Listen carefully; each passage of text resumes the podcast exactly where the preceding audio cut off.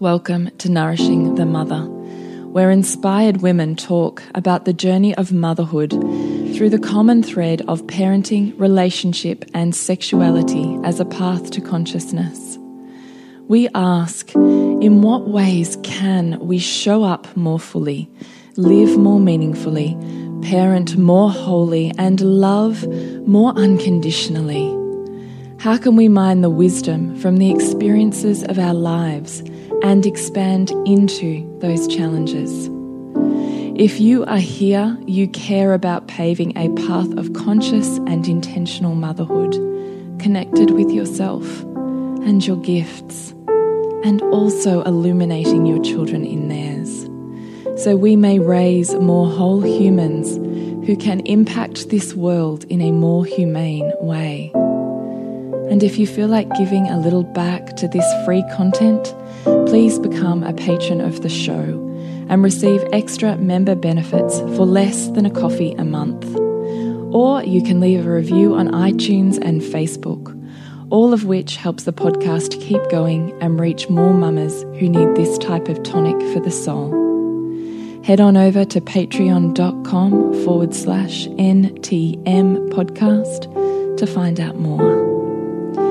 We are Julie Tenner and Bridget Wood, and we are so grateful you're here.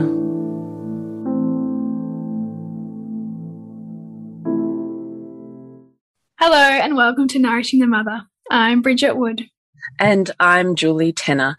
And today's podcast is the holding on and letting go of identity in motherhood. So, where we really want to take this conversation is following Bridget's really powerful post on social media last week, if you happened to see it. And we want to talk about the grief process of letting go, the wondering of if I belong anymore, the getting stuck on a door that might have closed for you, and then not knowing how to walk forwards. So we really hope this is a delicious, sacred, and honoring conversation for you in which you find yourself within an identity and hopefully on the outside of that identity also, because we don't want to form a cage.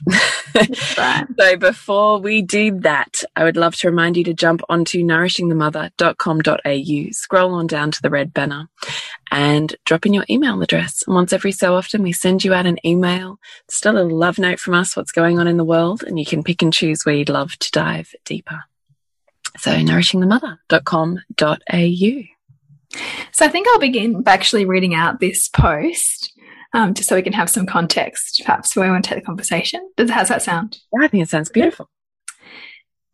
Do little babies wear jumpers? An expectant first time mum asks the stallholder behind me. I've been coming to these baby and children's clothing markets since I was first pregnant, wide eyed and enthralled at what this path might bring. Now I skip past all the rows and rows of onesies, swaddles, and baby paraphernalia and wonder will they have my son's size? He's nearly eight. My girls, four and nearly two, are sorted. Phew. Underneath this is also, is there still room for me here? Who am I right now? As my children rapidly grow before my eyes, my last baby quickly at home in the world of toddlerhood and beyond. I hop back into the car and sort their clothes into neat bundles on the passenger seat beside me and burst into tears. I want to say to that first time mother, you will die to yourself a thousand times and more, and it will be beautiful. Every year more I am a mother, I understand with greater depth why my mother stood at the door of my empty bedroom and sobbed when I left home at 18. You will give more than you knew you had and receive more than you knew was possible. Mm. And then I cried all the way home after I wrote that. yeah, I mean, you can feel that in that. I feel that in that too. Yeah. So I just wondered, Bridgie, if you could tell us again why that feels perhaps tender for you even as you read it now. Yeah, and it does. It does feel tender as I read it now. I think because it really offered me a chance to tap into something that I didn't know was was kind of there for me because I've been quite consciously checking in with myself as I pack up baby things and pop them away and get them ready for passing on to others. and I felt really good and aligned with that. And and so it came as a little surprise, I think, just how much emotion was there. And I think it also comes at a time where I can sense, you know, big identity transitions for myself as I as I sense my children's needs changing and as I sense myself moving out of the intensity, well, you know, while I'm still in the intensity of toddlerhood, the intensity of, of babyhood and mm. and me being needed all of the time. Whereas, you know, as we all know, as our children grow, more people can care for them and it's not all on the mother. And so then if it's not all on the mother, then who is the mother? Who is she beyond the identity that she has formed by, by close association with her children? Mm.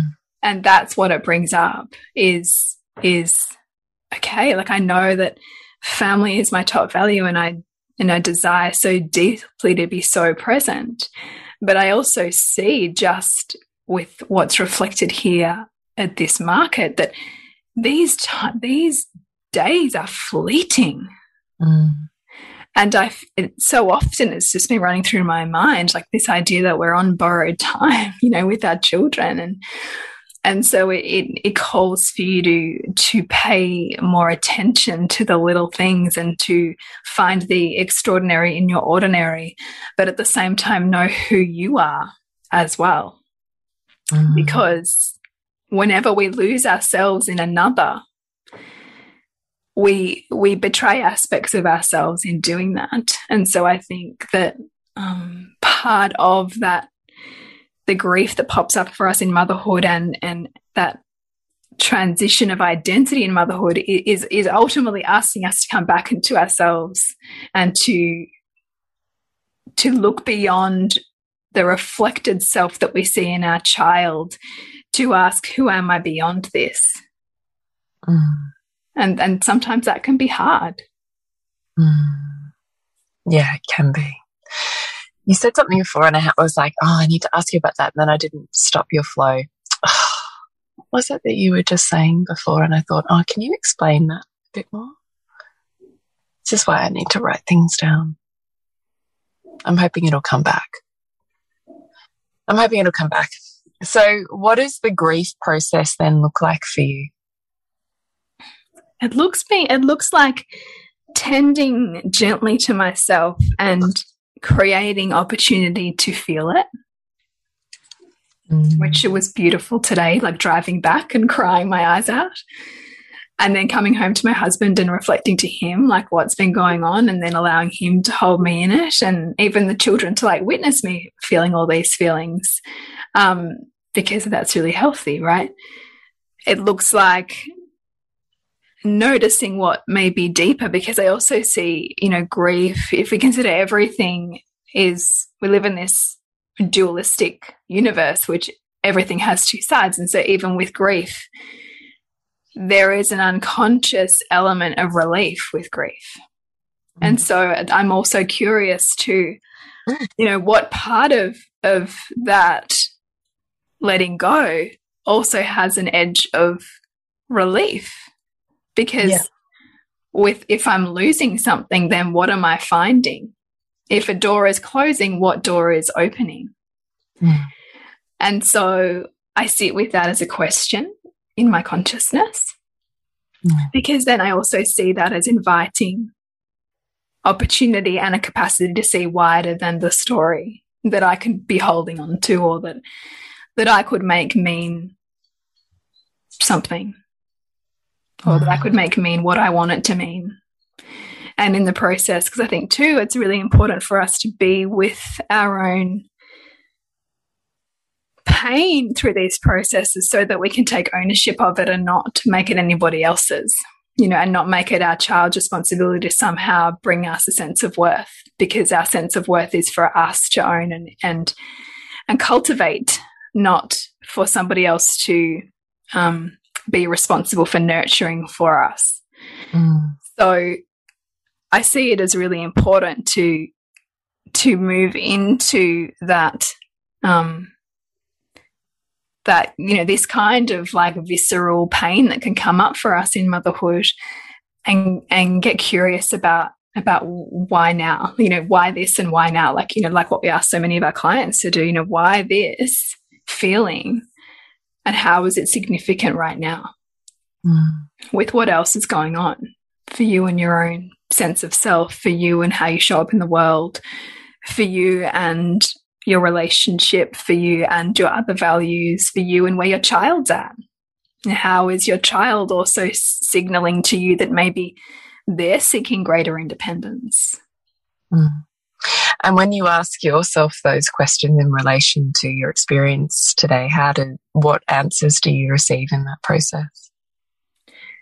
I've really well for me because I'm really straddling this world of um, really immersing in my daughters, particularly um, years at home with me, and then also how I do my work in the world alongside that, and what does my work look like, and so I've been staying really open to what the world is is reflecting back to me um, what that looks like you know what they see my my work looking like or what they see my genius looking like or where i tend to put my energy effort and focus and how that then um, brings about clarity of purpose mm.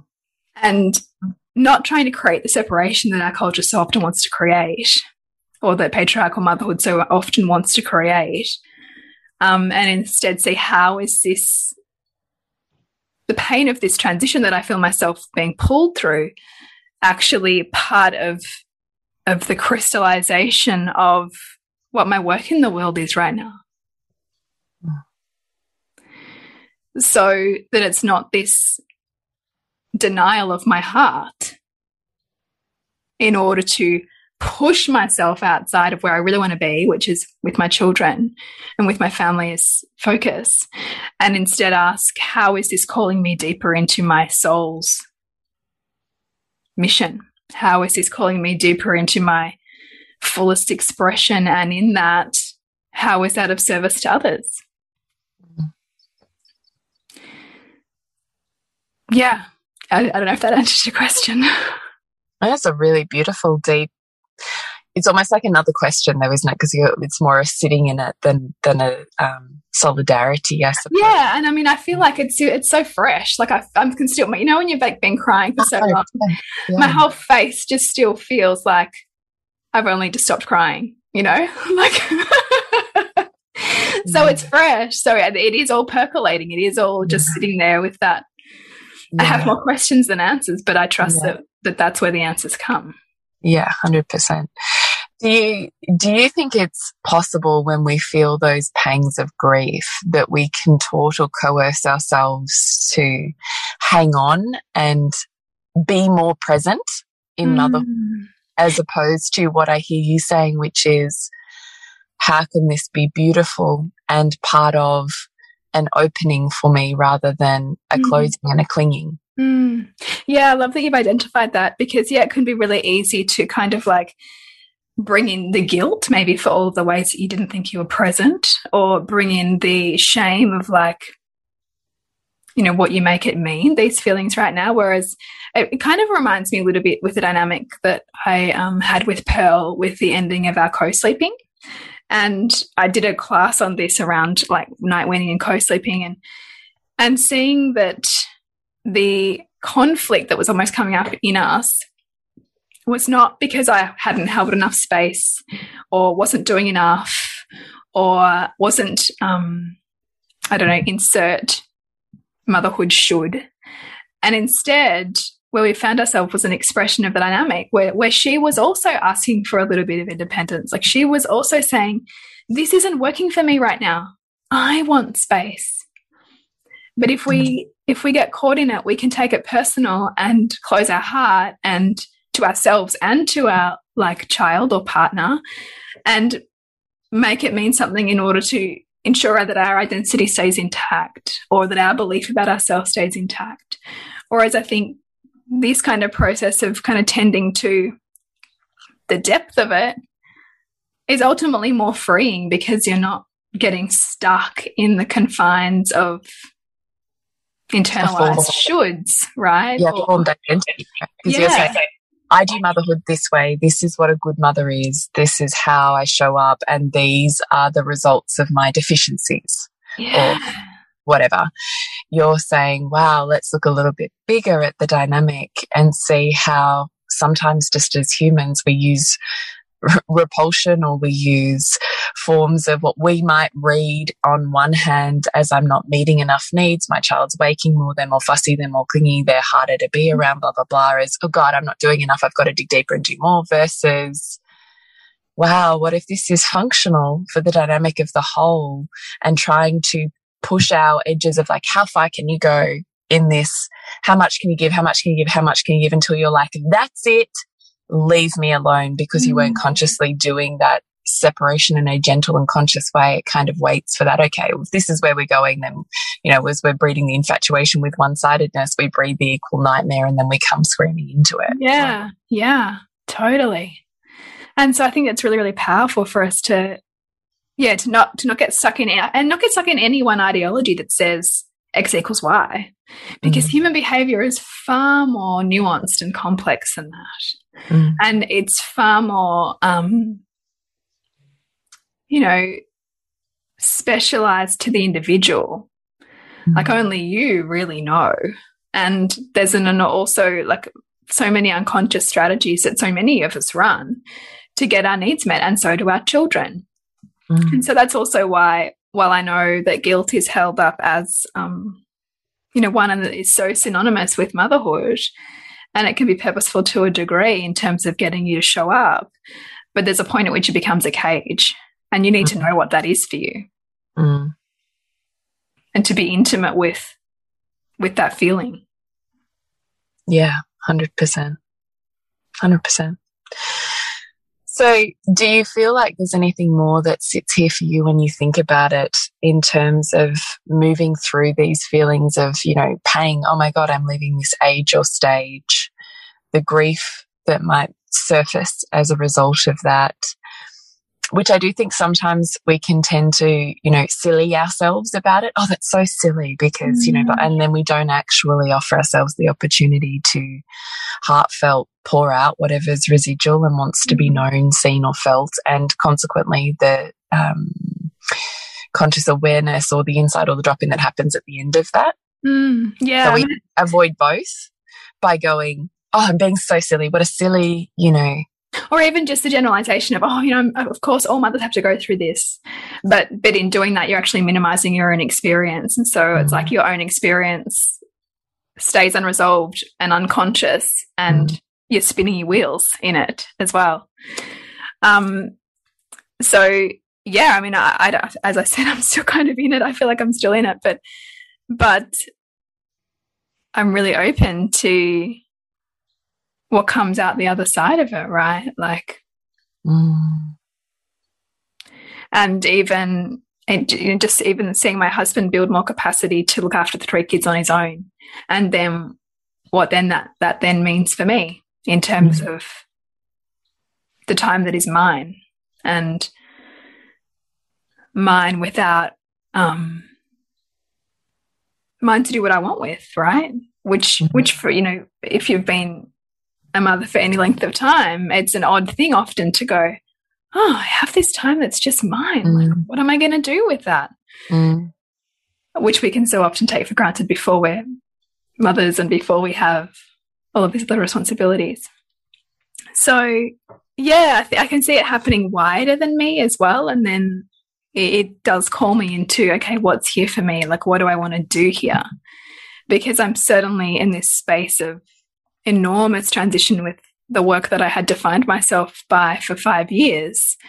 Morphing is something that's much more akin to the work that we do here with Nourishing the Mother and finding my identity in that. So it's almost as I lose an identity that I had or had attached to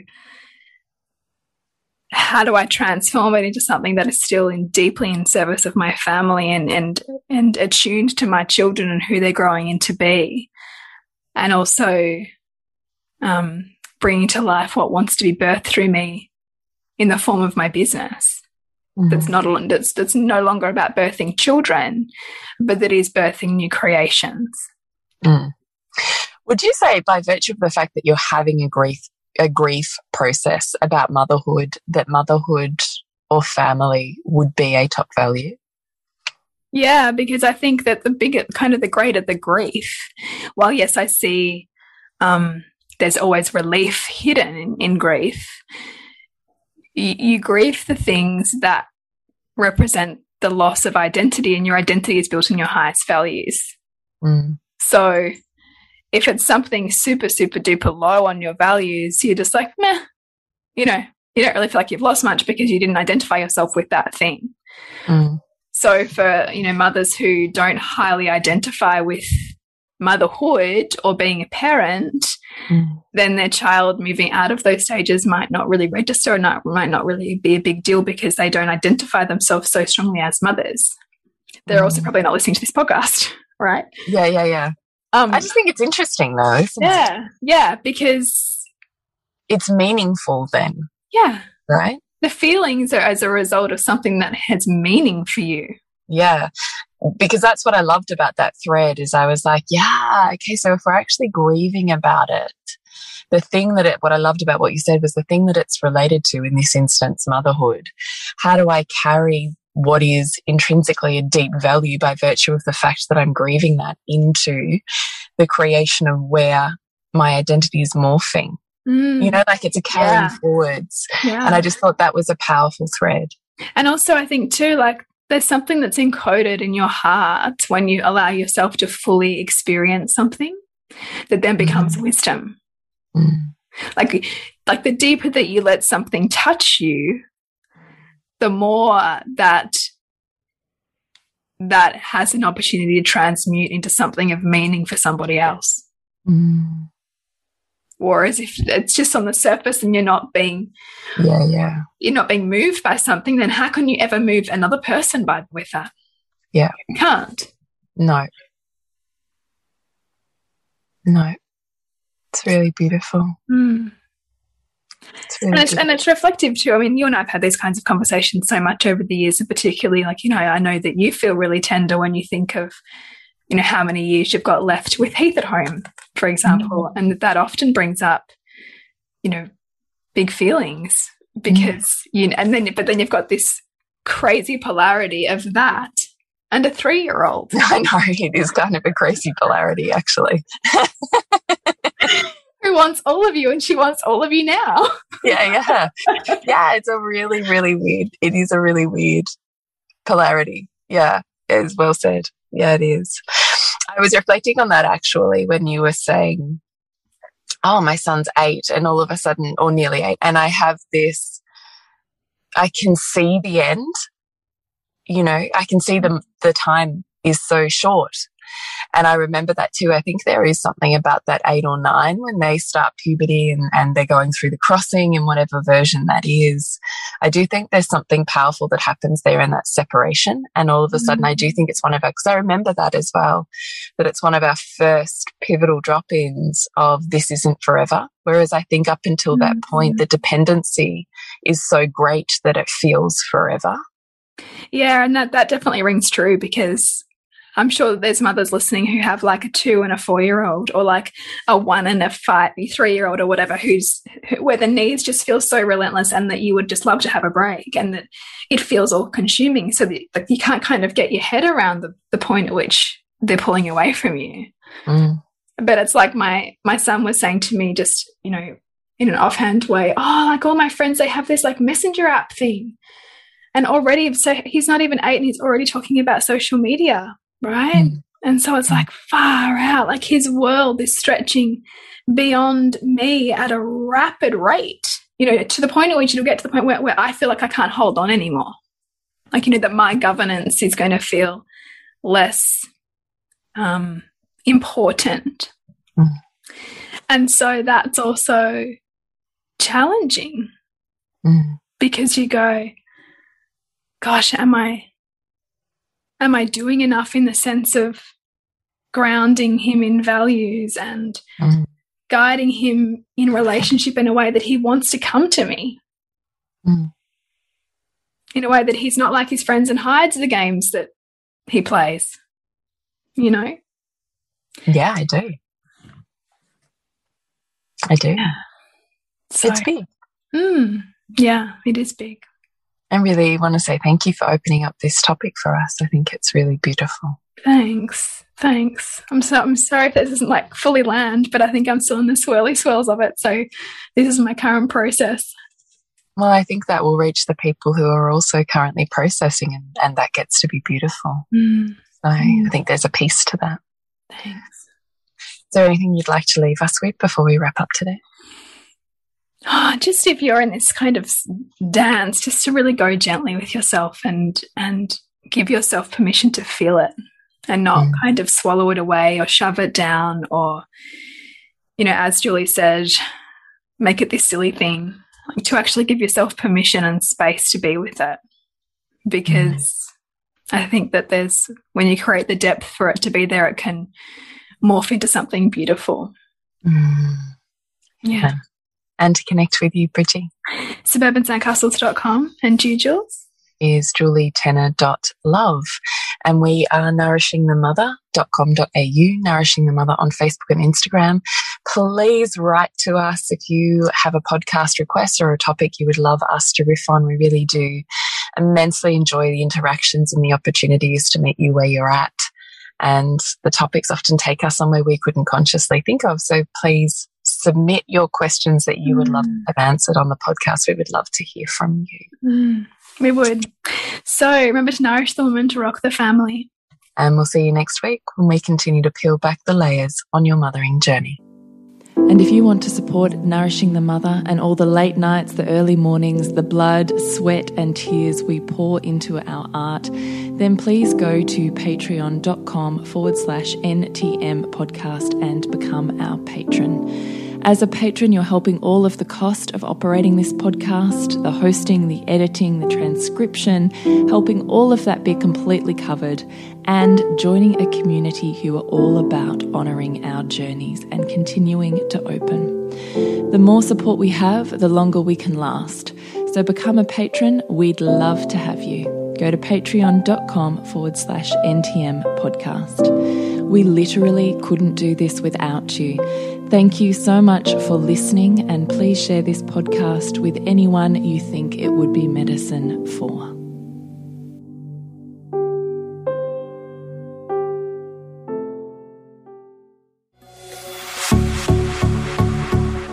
This has been a production of TheWellnessCouch.com. Check us out on Facebook and join in the conversation on Facebook.com forward slash The Wellness Couch. Subscribe to each show on iTunes and check us out on Twitter. The Wellness Couch, streaming wellness into your lives. Whilst the Wellness Couch presenter endeavor to provide accurate and helpful information to their listeners, these podcasts cannot take into account individual circumstances and are not intended to be a substitute for health and medical advice from a qualified health professional. You should always seek the advice of a qualified health professional before acting on any of the information provided by any of the Wellness Couch podcasts.